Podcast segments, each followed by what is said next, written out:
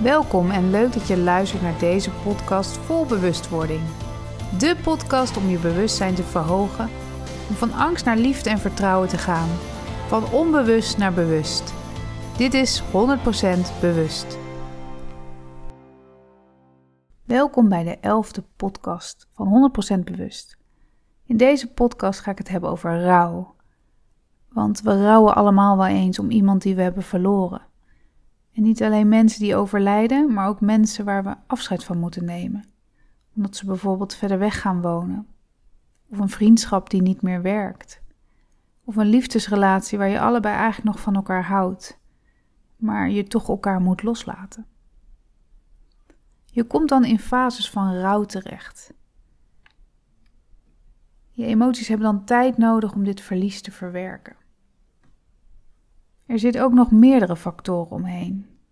Namelijk hoe alles verloopt en hoe de relatie tot diegene was die wegvalt en welke emoties daarbij komt kijken. Verschillende fases zijn daardoor ook wat heftiger dan andere fases. Er zijn verschillende fases van rouw die in de boekjes beschreven staan, maar voor mij is deze de meest kloppende hoe ik rouw heb beleefd in mijn situaties om iemand te verliezen. Zowel in het overlijden van een dierbare als in een liefdesrelatie heb ik dit ervaren. Maar ook in mijn praktijk zie ik deze fases.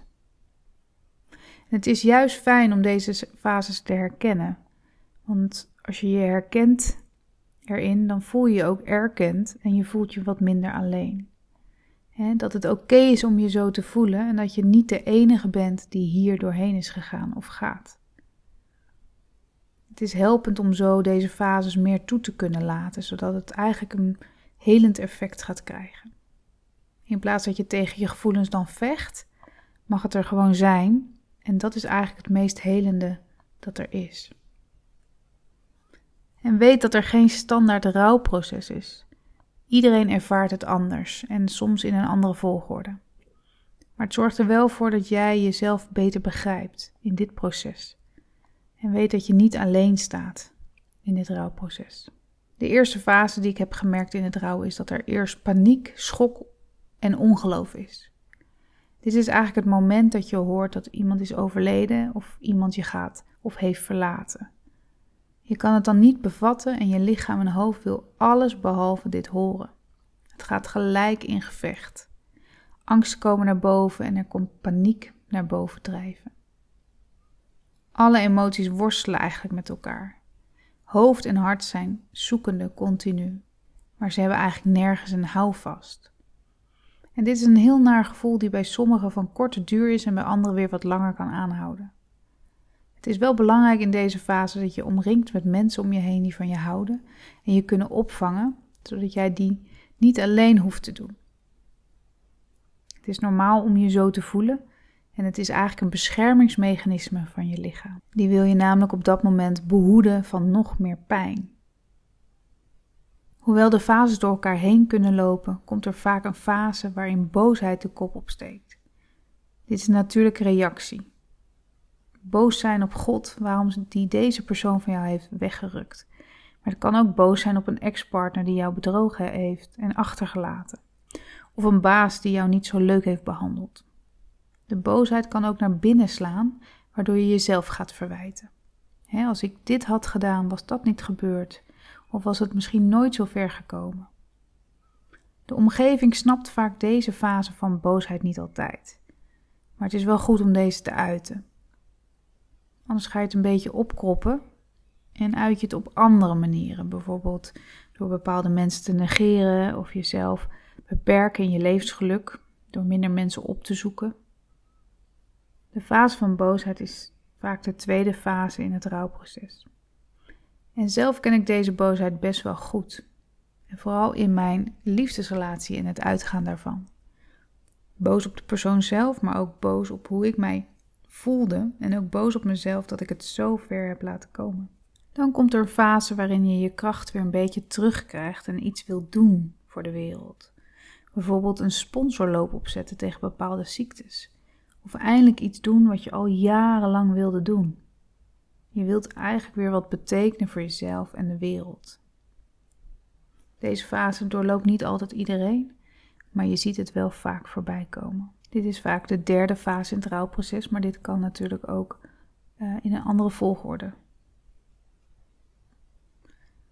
En daarna kun je in een fase terechtkomen, de vierde fase van desoriëntatie en depressie. Want je merkt dat de leegte eigenlijk niet kan worden opgevuld. En je gaat je afvragen of je het anders had kunnen doen. Je bent even je eigen pad kwijt en je weet gewoon eigenlijk niet waar je heen gaat. Het voelt als een donker gat waar eigenlijk geen licht aan het einde van de tunnel zit. En in deze fase zorg je vaak niet zo goed voor jezelf. Je gaat te laat naar bed, je eet niet goed. En je denkt veel aan het verleden toen alles nog prettig en fijn was. En in deze fase is het eigenlijk heel belangrijk dat je met mensen om je heen praat over hoe jij je voelt. De laatste fase in het rouwproces is de fase van aanvaarding. Hierin besef je dat je het zal moeten accepteren dat de ander nooit meer terugkomt. Of dat een bepaalde situatie nooit meer wordt zoals die is geweest. Je gaat je leven weer oppakken en aanvaardt het verlies van de ander, ook al ben je nog steeds verdrietig en boos. Maar het heeft wel een plek gekregen in jouw leven. En het is niet zo dat hier het rouwen ophoudt. Je kunt weer in een van deze fases terechtkomen. Want rouwen is blijvend. Maar het wordt steeds een beetje makkelijker om mee te leven, omdat er steeds meer lichtpuntjes ervoor in de plaats komen. Maar het rouwen wordt niet minder maar je leert er wel mee leven. Het is soms lastig om in deze rouwperiode mensen tegen te komen die eigenlijk niet weten hoe ze daarmee om moeten gaan. Sommigen vragen ernaar, maar anderen negeren je. En dit thema ligt vaak erg gevoelig bij mensen. En veel mensen weten pas wat je echt doormaakt als zij het ook zelf hebben ervaren. Maar het is altijd goed om dan je, zelf je gevoelens met de ander te delen. Dat je er bijvoorbeeld even niet over wil praten, of dat je het juist fijn zou vinden als, je, als ze er juist wel naar vragen. Je gevoel delen met anderen is heel helend en werkt ook begripvol, hoe moeilijk deze tijd van rouw ook is. Het is wel belangrijk om dat te doen. In mijn praktijk werk ik onder andere met healings, maar ook met readings. En met de readings maak ik soms contact met degene die is overleden. En dit heeft vaak een helend effect, omdat er stukken zijn die soms verduidelijk worden en daardoor beter een plekje kunnen krijgen in je systeem. Maar het is ook gewoon fijn om die bevestiging te krijgen.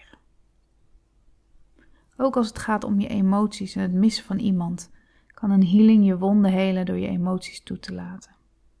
Hierdoor ervaar je sneller de fase van aanvaarding in het rouwproces. Of je nou in gelooft of niet, we bestaan allemaal uit energie.